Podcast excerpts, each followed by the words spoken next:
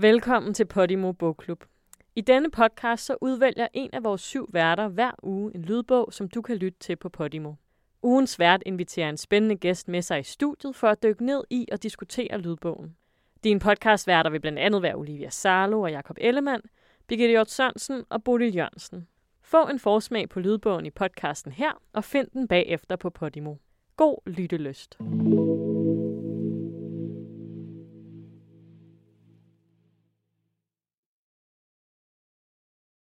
Så jeg kan godt få en fornemmelse af, at toppen går fri, men bunden de bliver straffet.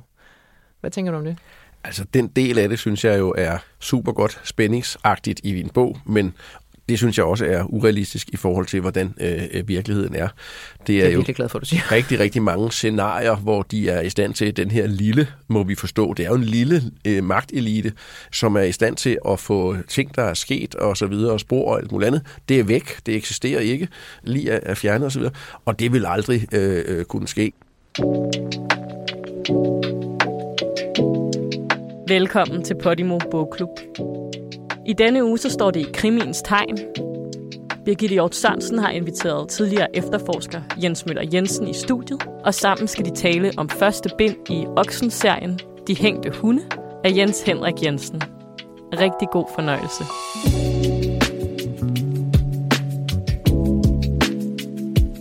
Velkommen til Podimos Bogklub. Mit navn er Birgitte Hjort Sørensen. Jeg er skuespiller. Og i denne uge er jeg din vært her i Bogklubben. Jeg har siden jeg var barn elsket at læse, og lige siden jeg slugte de fem bøger på stribe, har mysterie- og krimisgenren haft en særlig plads i mit hjerte. Krimier, de bliver jo sjældent opfattet som finkultur, og nu hvor jeg er voksen, så øh, kan jeg mærke, at jeg også betragter det lidt som sådan en guilty pleasure, når jeg altså øh, læser dem, men det gør jeg stadig jævnligt. Og jeg er ikke alene om det. Bare her på Podimo, der var krimisgenren sidste år den absolut mest lyttede med hele 22 procent af den samlede lyttetid. Og derfor glæder jeg mig selvfølgelig i dag til at dykke godt og grundigt ned i en virkelig god krimi. Og jeg får også virkelig god hjælp af min gæst, Jens Møller Jensen. Velkommen i Bogklubben. Tak skal du have.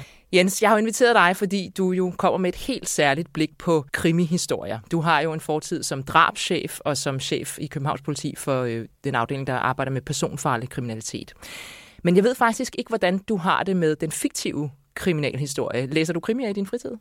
Som ung øh, er jeg nok startet samme sted som dig, om inden nogen for år før, og har læst de, de fem mysterierne og så videre, og op igennem ungdomsårene, så har det været Sjøvald og Valø. Så har jeg, ligesom så mange andre, øh, ramt muren med børn og meget arbejde og alt muligt andet, og har haft en lang, lang pause. Så er jeg blevet en del af det i det virkelige liv, øh, fordi jeg har arbejdet med det. Og så her i den sidste alder, kan man sige, af livet, der øh, læser jeg en del krimier, men det er fordi, jeg er politifaglig korrekturlæser for flere forskellige forfattere, og på den måde får jeg læst en 5-6 forskellige krimier om øh, året. Så du hjælper de her forfattere med, at det, de skriver, ikke er noget helt vås i forhold til, hvordan politiet rigtig arbejder? Ja, jeg prøver at, at sige, at det her, det vil man nok ikke gøre i det virkelige liv, og så må forfatterne jo gøre, som de har lyst til, og, øh, og det er helt fint med mig. Det er jo ikke sådan, at de skal rette det, jeg synes er, er, er urealistisk. Det må de gøre, som det passer i deres verden, og i forhold til, hvilken detaljeringsgrad de vil have til, til virkeligheden. Men når du så bare læser eller lytter en krimihistorie, kan du så godt abstrahere fra, hvis der er grove fejl, hvis du ikke selv har været faglig konsulent på den? Det, nej, jeg plejer godt at kunne abstrahere fra det, når først jeg der sætter mig på en ferie øh, og, og læser en krimi og sådan noget, så er det ikke de briller, jeg har på. Så nyder jeg øh, at blive underholdt og føler mig grebet af det. Og det må meget gerne gå meget stærkt og være i flere lande og alle mulige andre ting, som politiet ikke umiddelbart kan gøre.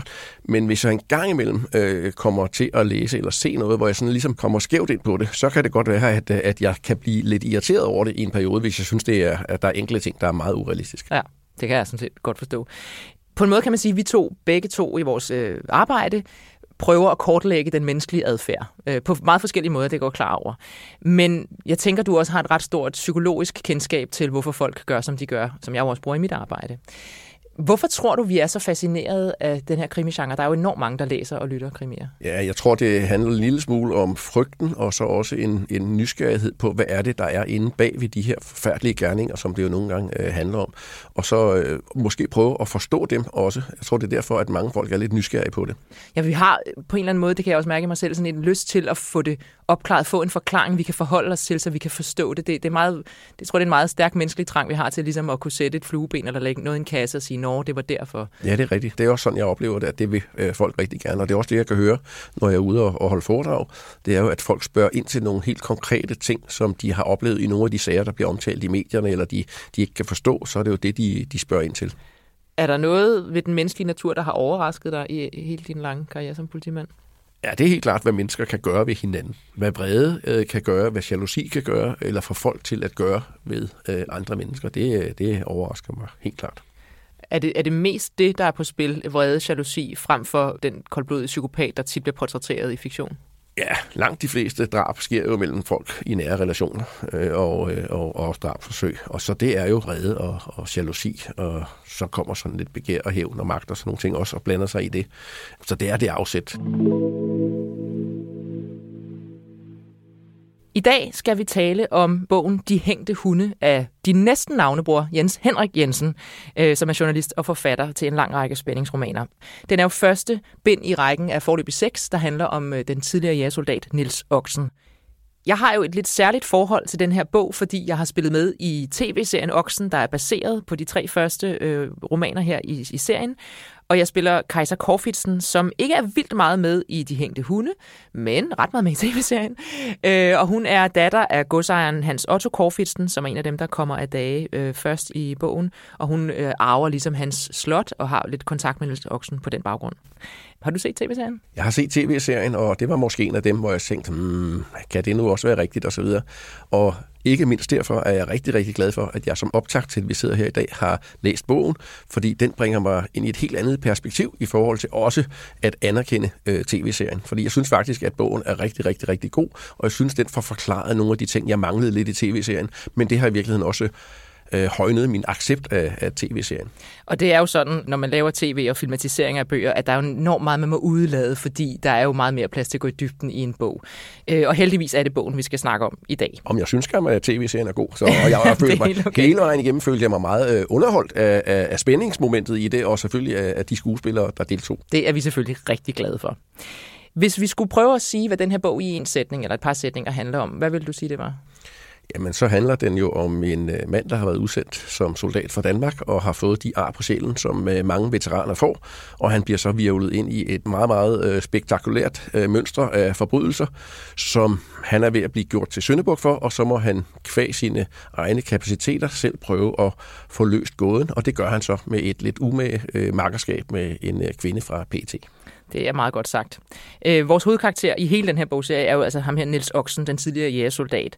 Og da vi møder ham her i De Hængte Hunde, der er han hjemløs, frivilligt, men, men han har ligesom på en eller anden måde vendt samfundet ryggen. Han går og skralder mad, og han flytter ret tidligt i bogen også ud i skoven og bor bare med sin hund.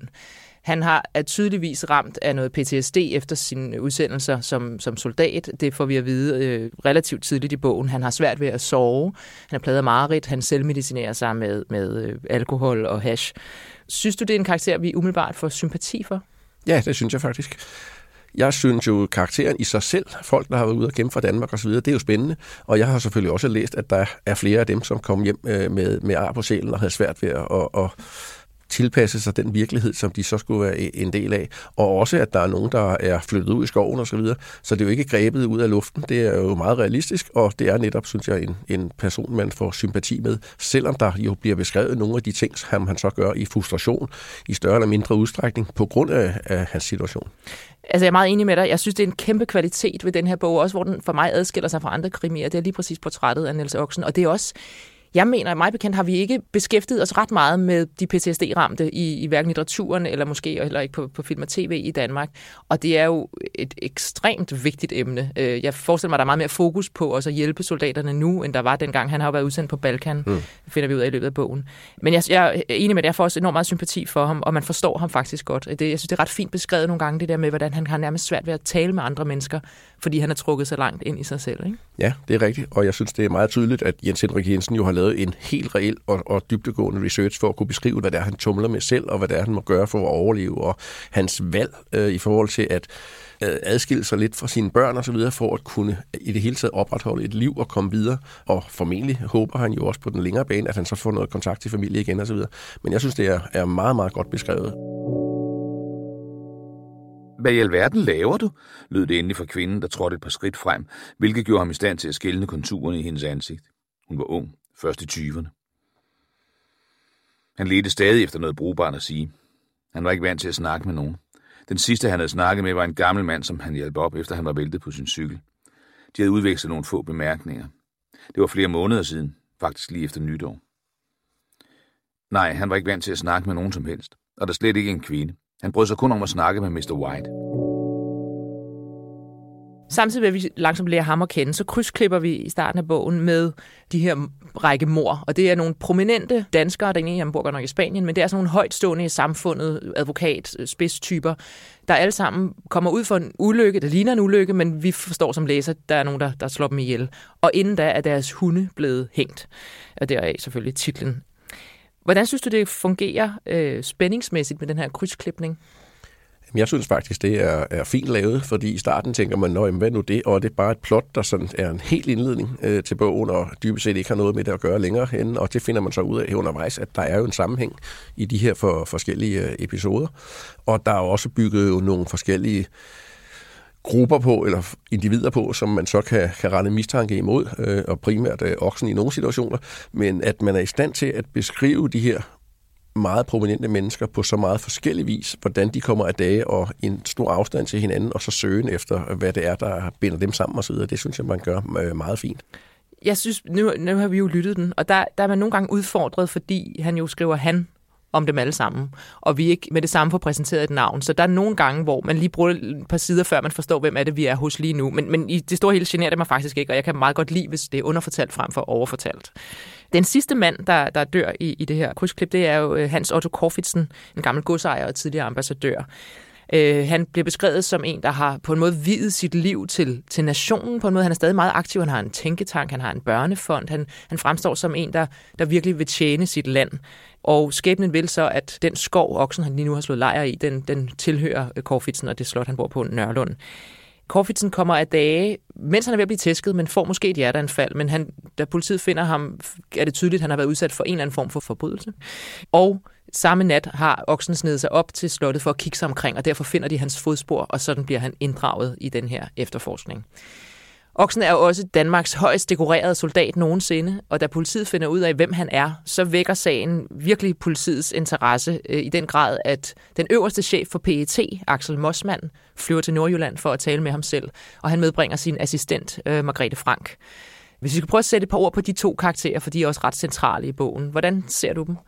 Jamen, øh, Mossmann er jo en, øh, en meget, meget handlekraftig mand, der tydeligvis er vant til, at det han øh, befaler, og det han ønsker skal ske, at det sker, øh, uden den store diskussion i forhold til det.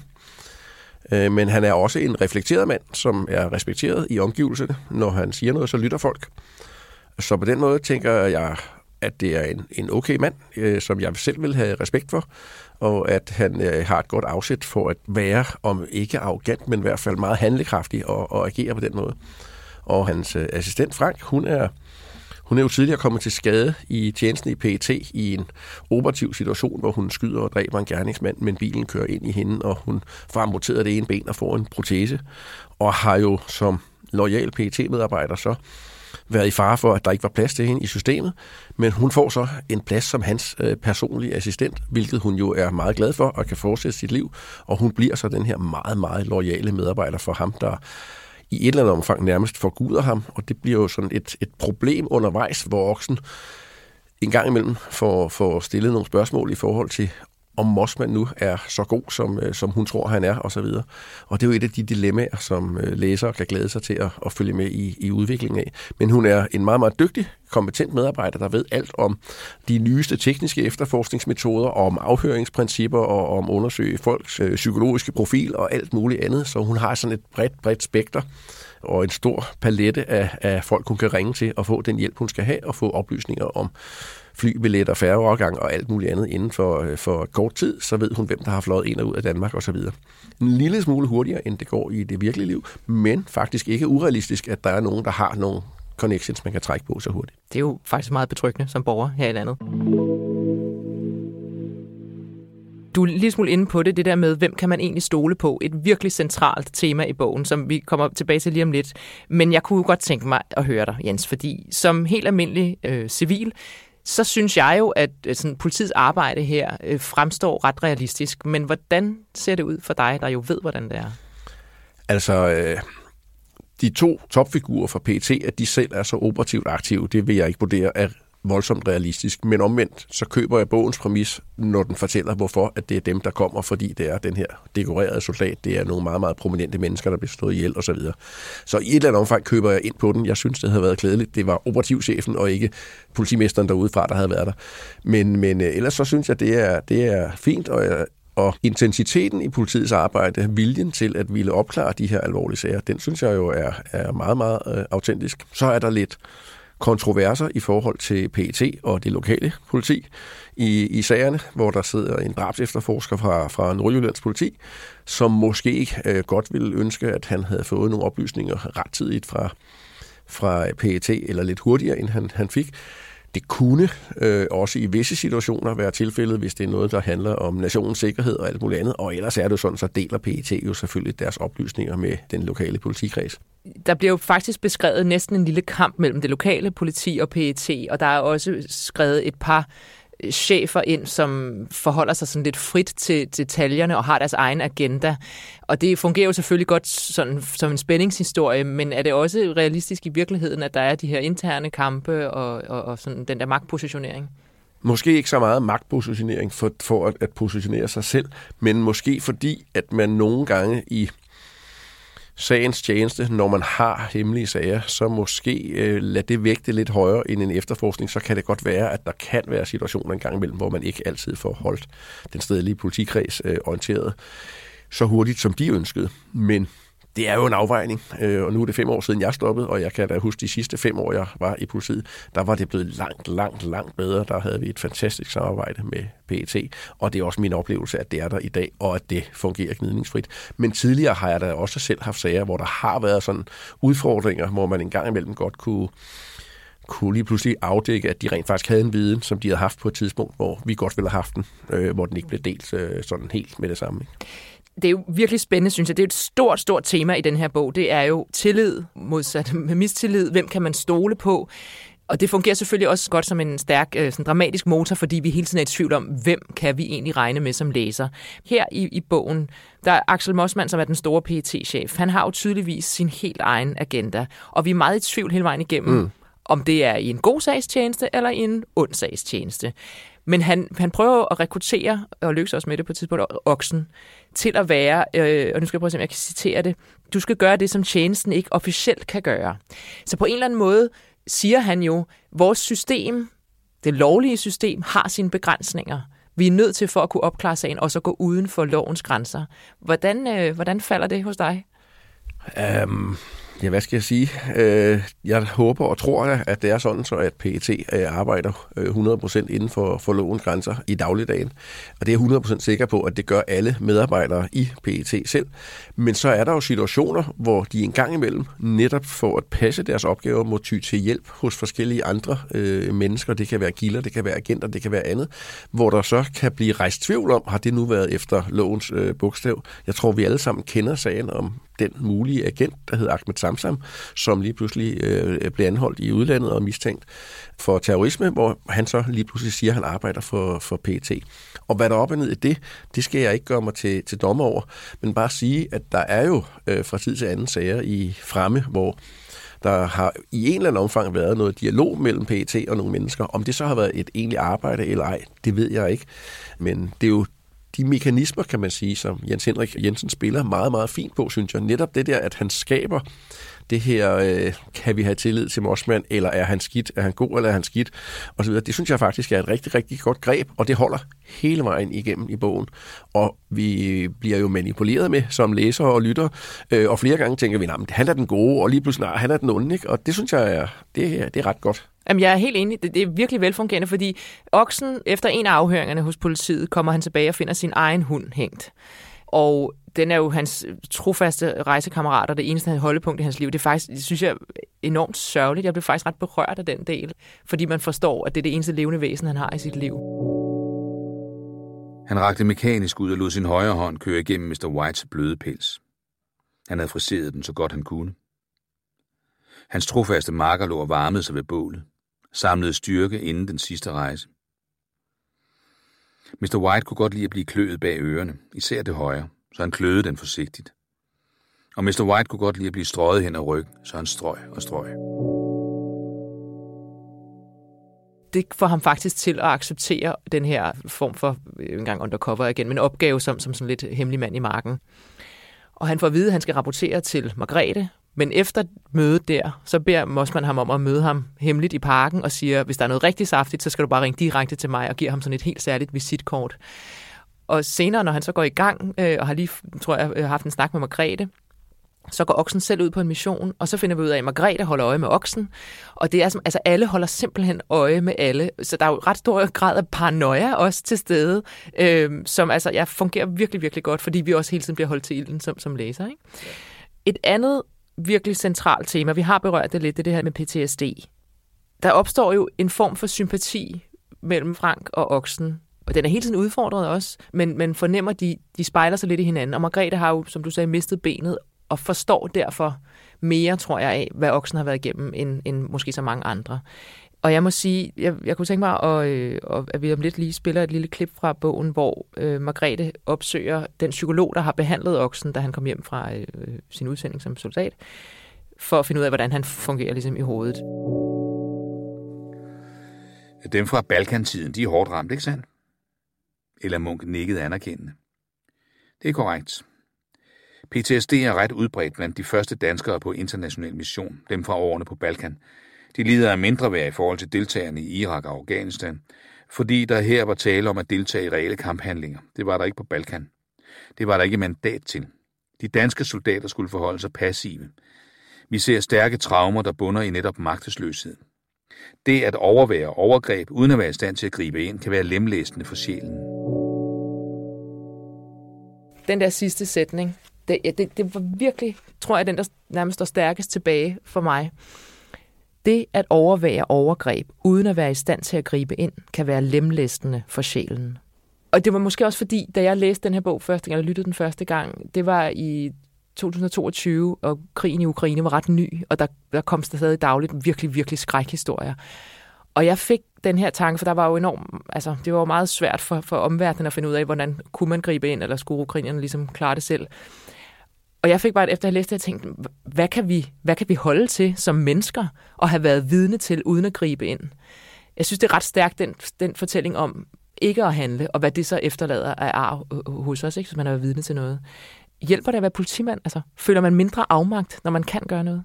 Hmm, det gør man jo øh, netop, som du siger, når man kan gøre noget, og omvendt, hvis det, så det, man gør, ikke hjælper, så, øh, så er der jo den samme afmagt som hos øh, alle mulige andre. Og jeg stussede også øh, meget over, eller reagerede selv på, på det afsnit, som vi lige har hørt. Øh, og, øh, og havde egentlig ikke tænkt på, at der var den forskel i forhold til øh, Balkan, og så til øh, dem, der havde været ude i Helmand og så videre. Men kunne med det samme godt se, at det jo var rigtigt. Vi hører jo lidt om øh, oksens tid på Balkan i sådan nogle flashbacks og nogle gange nogle mareridt. Hvordan, hvordan fremstår den verden for dig her i bogen?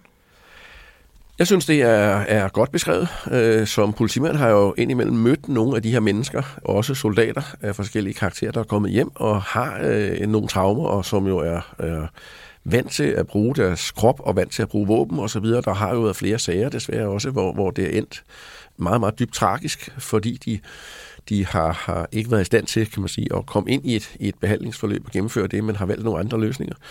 Så jeg synes, det er meget øh, godt beskrevet, og ved da, at man i politiet selvfølgelig i perioder har været, haft meget fokus på, hvordan man skulle håndtere de her mennesker bedst muligt, hvis man mødte dem. Mm jeg synes også, det igen tilfører et, et andet lag i forhold til, til sådan den gængse spændingskrimi-historie, øh, fordi vi netop over tid langsomt får udfoldet virkelig de redsler, han har været vidne til. Så, så det, det er virkelig sådan med til at underbygge ham som karakter. Vi har talt om Hans Otto Korfitsen en lille smule, som er den her eks-ambassadør og sådan spids i, i landet. Vi får jo langsomt afsløret, at der eksisterer en form for loge eller samling af et netværk af de mægtigste mænd i, i, i landet sådan bag facaden, for det er jo ikke sådan nødvendigvis politikere, der er også nogle politikere med, men det er især nogle forretningsmænd, fornemmer man erhvervsdrivende, nogen, der på en eller anden måde styrer lidt landet øh, bag, øh, altså sådan hiver i, i tråden. Ikke? Øh, det bliver kaldt Danehof, og øh, det, det viser sig jo at være nogle, nogle virkelig, virkelig magtfulde mennesker. Man er selvfølgelig tilbageladt med et indtryk af, at de er ikke nogen gode mennesker, men alligevel er der også tilføjet, vi får læst lidt af Hans Otto Korfitsens øh, dagbøger, en, må jeg sige, fra mig fremstår det sådan en rimelig berettiget kritik af samfundet. Han kommer med, han langer ud efter nogle politikere, han kalder det et gøjlervælde, mener, at politikerne har for travlt med at optræde i alle mulige medier og tilfredsstille vælgerne frem for at regere. Så der kommer jo den her samfundskritik ind. Øh, hvad tænker du om det? Jamen det tænker jeg er også godt beskrevet. Jeg tror ikke, der findes noget Danehof, men jeg tror, da, der findes sammenslutninger af, af et departementchef og alle mulige andre, som taler om de her ting. Og som kvad deres samtaler måske kan have en eller anden indflydelse på ting og sager. Jeg tror ikke, det er sådan, så de går ud og slår ihjel for det. Jeg tror ikke, det er sådan, så de reelt bestemmer noget. Men som i alle andre sammenhænge, når man mødes med mennesker og taler sammen, så kan det jo få, få betydning for de beslutninger, som de mennesker, der deltager i møderne, de kommer til at træffe. Så at, at, at man i forhold til samfundet beskriver det, som det bliver gjort her, konkret, at en tidligere øh, topembedsmand, en diplomat, sidder og er kan man sige, formand i den ene del af, af Danehof her og er med til at styre landet. Det synes jeg da sådan set er meget realistisk, men metoderne, de styrer det på, dem, øh, dem tror jeg absolut ikke på, at man bruger med, med drab og så videre. Men jeg tænker, at der findes lukkede loger, der prøver at påvirke beslutningsprocessen. Givetvis, og jeg er enig med dig, den har nok fået en tand mere på dramafronten her, øh, fordi det jo er spændende at læse om. Jeg er personligt, jeg arbejder jo i underholdningsbranchen det meste af tiden i hvert fald. Øh, jeg synes, det er enormt interessant det der med at bruge et mainstream genre medie som en krimi til også at sige noget samfundskritisk. Og det er selvfølgelig ikke hovedvægten i bogen, men jeg synes alligevel, det er ret godt tænkt, fordi det er jo mainstream-genrerne, der når ud til rigtig mange mennesker. Det er dem, der kan samle på kryds og tværs af politisk overbevisning osv., og, og så ligesom få sit budskab igennem. Jeg ved ikke, om jeg føler, at han har en morale, forfatteren. Tænker du det? Det tror jeg ikke. Men jeg tænker, at det er helt bevidst, at han beskriver det, og at det er fordi, han har en eller anden øh, idé eller frygt om, at der kan findes noget, der ligner det lidt, og det er derfor, han ønsker at pege på det og prikke lidt til det. Det øh, tror jeg, at det, det kunne godt være tilfældet. Og det er jo godt gjort, synes jeg, for det sætter jo tanker i gang. Øh... Jeg kunne så være bange for, at der, at der kunne omvendt, at det kunne være med til at, at give nogen sådan lidt mere blod på tanden som konspirationsteoretikere af den ene og den anden slags, og lige pludselig tænkte, ja, men det hele det styres uden om regeringen, og det er sådan og sådan og sådan, fordi jeg synes, vi har rigeligt med konspirationstosser i samfundet, og øh, det behøver vi ikke at få lavet flere af. Og, og der kan jeg godt være bange for, at der er nogen, der vil tage sådan en ting her og bruge det i forhold til at undergrave øh, myndigheder og, og alt muligt andet for I, I sige, jamen det er alligevel sådan og sådan, og det er noget helt andet, der styrer det, og I bare lakajer og alt muligt andet. Ikke? Jo. Han skriver heldigvis et efterskrift, hvor han forklarer, øh, for han er jo journalist af baggrund, og og faktuelt han har gået til det og forklarer også, at Danehof eksisterede engang tilbage i 1400 eller andet, men, men eksisterer altså ikke længere. Tror Så...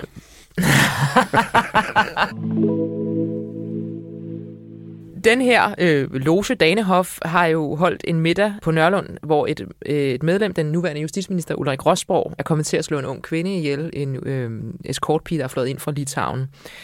Og det viser sig jo så, cirka halvvejs i bogen, får vi introduceret nogle nye karakterer, et, et øh, fingeret ægtepar, der rejser rundt. Og det viser sig at være den her kvindes søster og, og deres fætter, som faktisk er på sådan hævntogt, og det er dem, der står bag de hængte hunde og de myrdede øh, øh, mænd. Jeg kan godt lide din måde sådan lidt øh, nonchalant at sige, at øh, den her prostituerede, som han kommer til at slå ihjel, det var meget fængslende. Ja, det, Nå, undskyld. Ja, nej, det er helt okay. Det var fordi, jeg havde ikke lyst til at dvæle ved øh, måden, det sker på. Fordi nogle gange sker det jo og jeg synes ikke, det er slemt i, i den her bog overhovedet, men andre kriminalhistorier synes jeg næsten dyrker og udpensle, hvor, hvor bestialske mennesker kan være mod hinanden, og, og prøver ligesom at udtænke de mest horrible scenarier. Det bryder jeg mig ikke specielt meget om, og det er heldigvis ikke specielt til stede her, men, men det er ikke rart, det der sker. Men det, jeg ville frem til, var, at det er jo så den grundforbrydelse, de får afdækket i løbet af bogen. Men det, der jo ender med at ske, det er jo, at det her øh, magteliten jo lukker sig lidt om sig selv. For selvom politiet, og i sidste ende også Mossmann, den øverste chef i PT, til sidst finder ud af, at justitsministeren har slået en kvinde ihjel, så bliver det jo ikke, det, altså han bliver jo ikke sigtet, det kommer ikke ud i offentligheden. Mossmann siger som, det er min chef, og jeg, jeg bliver nødt til virkelig at tænke mig godt om, før jeg går ud med det her. Plus, hvis jeg så tager Rosborg, så ved jeg ikke, hvem jeg så går glip af af de andre. Så magten bliver på en eller anden måde skånet i retssystemet, hvorimod den prostituerede fra Litauen, de to andre prostituerede, der var med, er blevet slået ihjel. Fætteren og, og søsteren her lige så. Oksen er tilbage i tiden også blevet fældet, fordi han stillede kritiske spørgsmål, så han blev øh, framet framed i en, en, en forbrydelse. Så jeg kan godt få en fornemmelse af, at toppen går fri, men bunden de bliver straffet. Hvad tænker du om det? Altså, den del af det, synes jeg jo er super godt spændingsagtigt i din bog, men det synes jeg også er urealistisk i forhold til, hvordan øh, øh virkeligheden er. Det er, jeg er jo glad for, at du siger. rigtig, rigtig mange scenarier, hvor de er i stand til, den her lille, må vi forstå, det er jo en lille øh, magtelite, som er i stand til at få ting, der er sket og så videre, og spor og alt muligt andet, det er væk, det eksisterer ikke, lige er, er fjernet og så videre, og det vil aldrig øh, øh, kunne ske. Og hvis vi prøver at perspektivere til nogle af de sager, der har været i, i det virkelige liv, så havde vi en øh, justitsminister på et tidspunkt, hvis mand kom i et banalt gadeslagsmål. Det kom jo frem. Det kunne man da, hvis man ville, eller havde været i nærheden af noget, af, hvor man havde sådan noget magtpamperi, hvor man kunne skjule ting, så havde man jo gjort det. Så, så vi har jo sager, hvor at, at øh, meget højt øh, på strå politikere, altså politiets øverste chef, justitsministeren, hans privatliv bliver ikke skånet, når der er en sag i, i den sammenhæng osv. Så, videre. så jeg synes, at øh, Øh, der kan vi godt se os fri for, at det er en virkelighed, øh, som, som jeg kender fra, fra arbejdet i hvert fald. Danmark og danskerne har jo ofte været kendetegnet ved at have en høj grad af tillid til de offentlige myndigheder og så videre. Øh, og, og det er min fornemmelse, at den tillid er sådan lidt på vej ned. Der har været skatskandalen, der er også en meget udtalt politikerlede, og, og det, jeg mener jo endda også, at der er tal, der begynder at vise, at, at tilliden er dalende. Men hvis jeg forstår dig ret, så synes du faktisk, at vi grundlæggende godt kan have tillid til i hvert fald retssystemet? Ja, det synes jeg helt klart. Retssystemet synes jeg, at der kun er grund til at have, tillid til. Men, men der har jo også været sager for at ramme i forhold til politiet det sidste halve år, hvor der bliver øh, stillet spørgsmål til, til politiets gøren og laden i forskellige øh, situationer. Og det bliver jeg da ked af, hver gang jeg ser. Jeg ved jo godt, der ofte er to sider af samme sag, men nogle af sagerne synes jeg, der er, er ærgerlige, hvis det er foregået bare i nærheden af det, som der bliver beskrevet. Og øh, det er jo med til, at tilliden falder en, en smule, også i forhold til politiet, som jo har været historisk høj i mange, mange øh, år i Danmark i forhold til andre lande. Stort set alle relationer i den her bog er præget af den her manglende tillid, som vi også har været inde på. Men som vi også snakkede lidt om, så, så er det som om Oksen og Margrethe, de finder hinanden. Og alligevel, så er der jævnligt en samtale mellem dem, hvor de begge to lidt skal afhøre hinanden. Vi kan lige prøve at høre en sekvens, der ligger ret sent i bogen, fordi den både også viser øh, noget god dialog, der viser noget om dem som karakterer, og så, og så den her sådan lidt afhøring, gensidig afhøring, de, øh, de har. Jeg synes faktisk, det er nogle rigtig sjove små scener. Ja, lad de prøve at høre en gang. Hun kom over og satte sig på bordkanten lige ved siden af ham. Så vippede hun den skarpe lyskejle lige op i hans ansigt. Bliv siddende, oksen. Nu vil jeg have nogle svar. Fjern det lys. Hun lod lyskejlen glide længere ned. Jeg ved alt om Benny Overholm med guldhalskæden og hans marker Stig Ellehøj, og om det heroin, amf og diazepam, de fandt bag din værktøjstavle, og om din junkie-ven Balboa fra Balkantiden. Blev du knaldet, og fik du et alternativ, fordi du var sådan en god rollemodel med dine medaljer? Var det sådan, det gik til, oksen? Hvad mener du? Er det et forhør, det her? Han røg op af stolen, men Frank satte lynhurtigt en fod på hans brystkasse og stemte ham hårdt tilbage i sædet. Bliv siddende og fald ned. Det er på tide, du svarer. Hører du? Han blev siddende tavs, mens han mærkede pulsen falde til ro. Så nikkede han efter tænksomt. Okay, du har været rundt i krogene, var Frank. Det er det, du kan lide, ikke? At gå og snage. Men hør så godt efter. Netop som du siger, så handler det jo om tillid eller mistillid. Og jeg synes, man bygger dem godt op. Jeg synes også, man har sådan, så rækker Frank øh, hænderne en lille smule ud, øh, eller følerne ud, og, og vil godt invitere ham med, og så er han kold, og så bliver hun lidt kold og undersøger lidt mere om ham, og så bygger man jo op til, at hun ved noget, der gør, at hun ikke helt tør tage tillid til ham. Og omvendt, at han også øh, ved, at øh, hendes chef øh, spiller på flere heste i hvert fald, og derfor er forsigtig i forhold til hende. Så jeg synes, det er, er fint beskrevet, det her øh, udviklingen i, hvor langt tid det tager for dem at få den her rigtige tillid til hinanden, som i virkeligheden kulminerer øh, efter den her øh, snak, de har lige der, hvor det ligesom er, okay, nu er der helt rent bord, og nu har de så tillid til hinanden. Mm. Og det ender han jo så med i et eller andet omfang at bryde til sidst. Det er selvfølgelig rigtigt. Øh, men som læser bliver vi, eller lytter bliver vi jo også glade, fordi vi har fået at vide, at han har banket sin tidligere kone og nogle ret grimme ting om ham, som man jo ikke har lyst til, at helten skal, skal være sådan en ophavsmand til. Men vi får nogle forklaringer, som, som jeg i hvert fald køber, og, og kan se, at han er jo faktisk på mange måder øh, offer for utrolig mange øh, framings. Jeg kan ikke engang lige nu komme i tanke om det danske ord for det. tit i, i krimi-historier, der skal der også være en romance. Fornemmer du, at der er opsejling til det mellem Margrethe og Oksen? Ja, der er flere gange små episoder, hvor man tænker, nu kommer den her øh, sexscene, der skal være i enhver bog efterhånden osv. Og jeg synes faktisk, det er meget elegant beskrevet. Der er flere steder, hvor han betragter hendes hud, hendes stramme maveskin, hendes lår og alt muligt andet, og sådan, sådan lige fint rør ved noget, der kunne være, være indledning til noget. Men så alligevel ikke bliver det, og det synes jeg faktisk er meget godt beskrevet. Så der bliver helt tydeligt vist, at der er følelser imellem dem på et, øh, lidt forskellige øh, niveauer på forskellige tidspunkter i forløbet, for de er jo også rigtig, rigtig sure øh, på hinanden gensidigt, og den, den vrede, tror jeg også stammer fra, at, at den tillid, som de var ved at bygge op, så bliver svigtet i forhold til det, de finder ud af om den anden. Og så bliver man jo vred og skuffet i virkeligheden over det. Og så skal det bygges op igen og køre sådan op og ned igennem bogen øh, i, i forhold til, til tillid.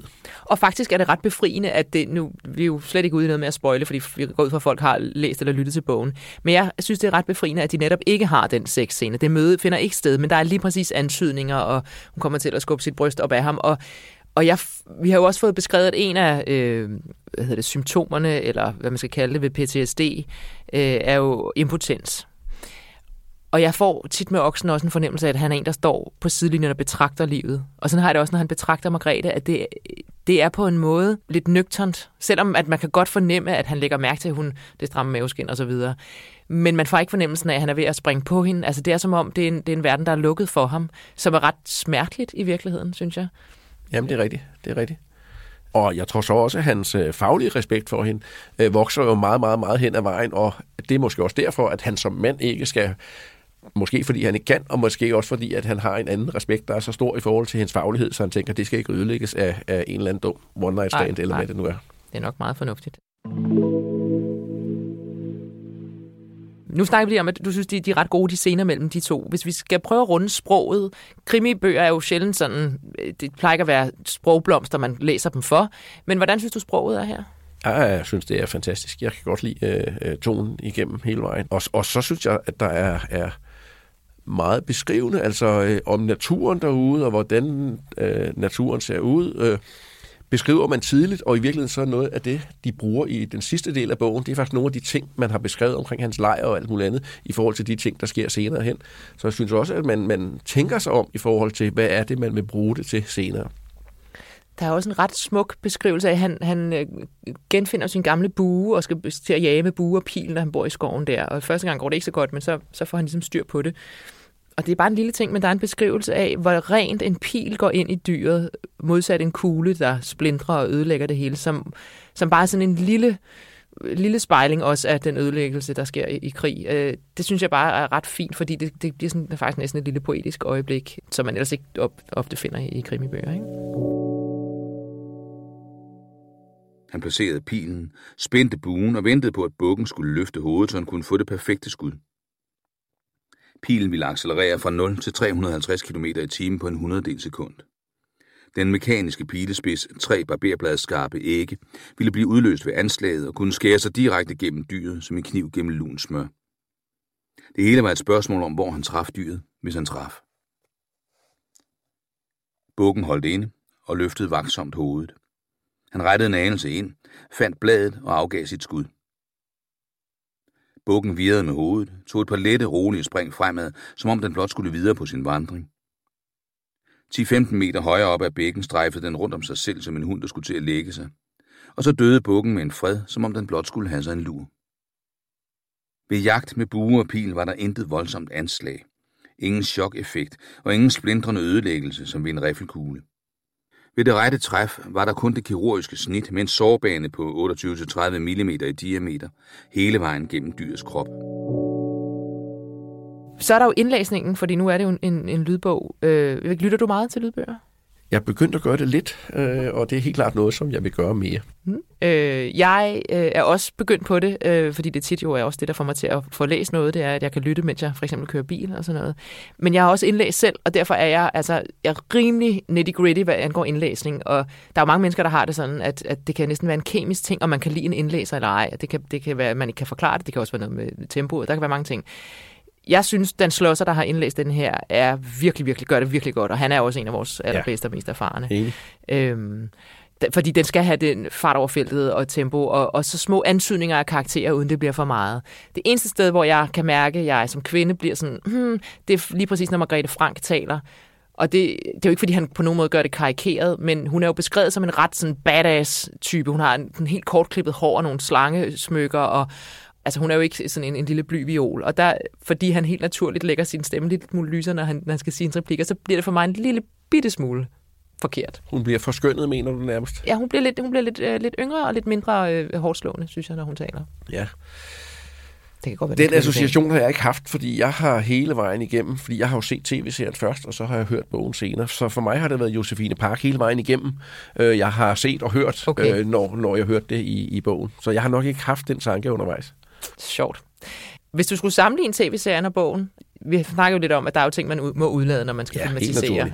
Og jeg ved, der er, der er særlig en ting, som sådan alligevel skurede lidt i dine øjne og ører. Øh, og hvad var det nu, det var? Jamen, jeg er ked af i virkeligheden, at jeg har gjort det i den rækkefølge, at jeg først har set tv-serien, for der noget jeg bliver rigtig, rigtig vred på især den rolle, øh, som jo er Mossman i bogen, og som Ellen Hillingsø spiller i, øh, i tv-serien.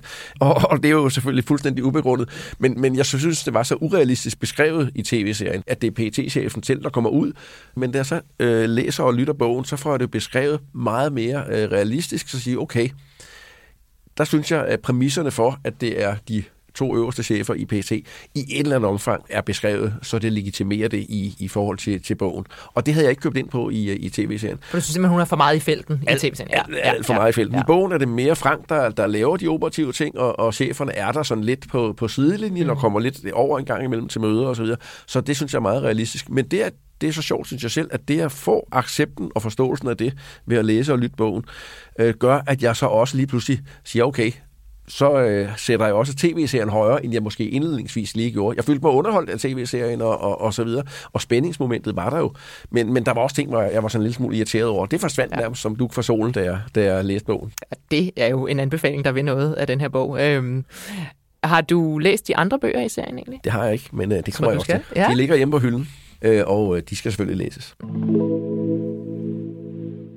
Skal vi prøve at lave en eller anden form for anmeldelse altså af bogen? Kan man gøre det sådan helt overordnet set?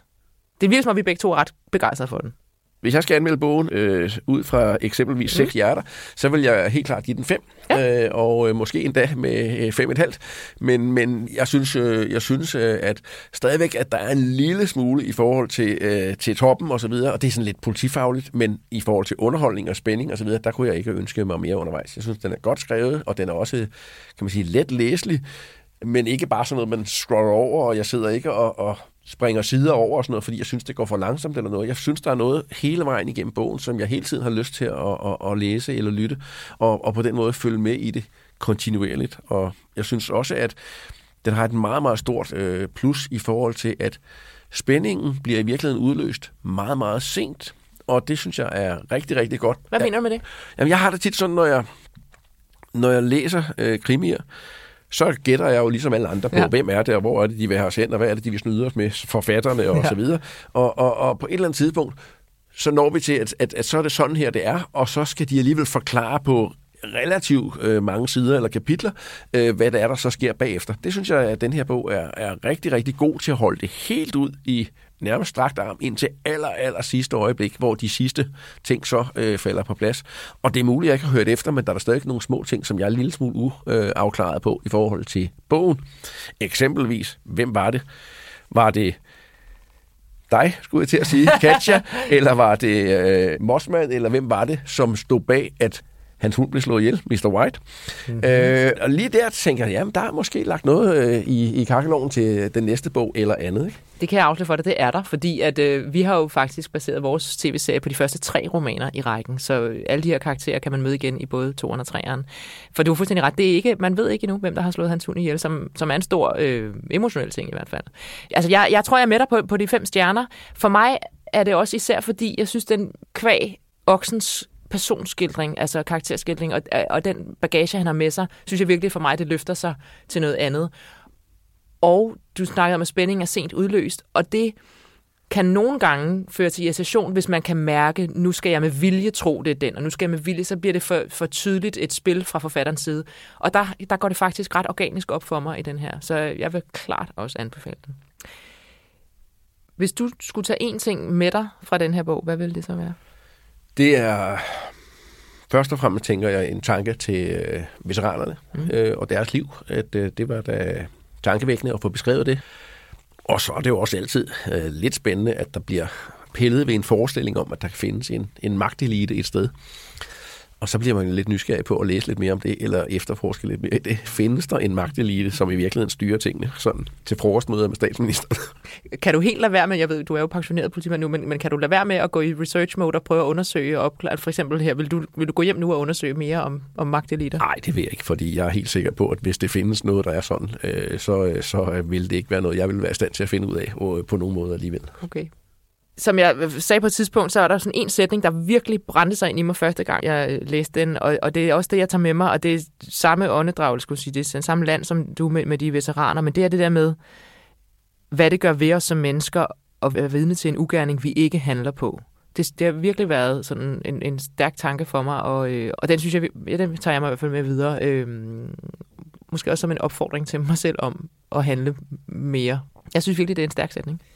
Det er jeg enig med dig i, men omvendt vil jeg også som tidligere politimand, vil jeg så også sige, at øh, folk, der har den der følelse af, at øh, man er måske ked af, at man ikke har handlet mere i en given situation, det må ikke få folk til at handle overilet næste gang, de kommer i en sådan situation, fordi så kan det gå grueligt galt.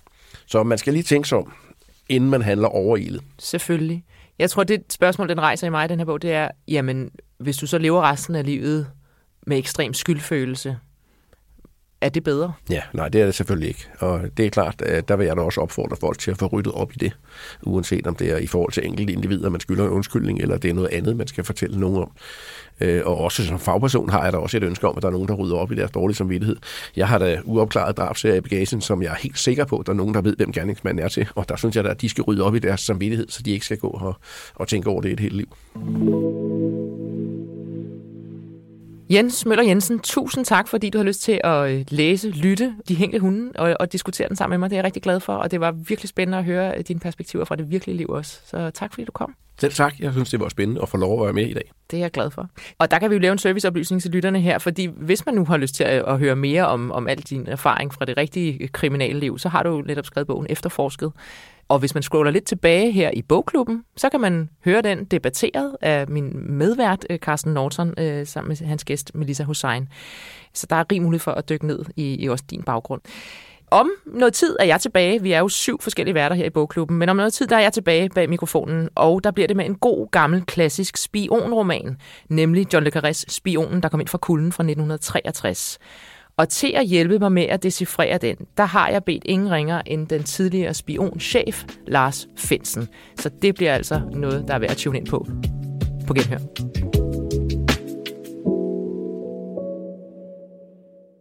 Tak fordi du lyttede med.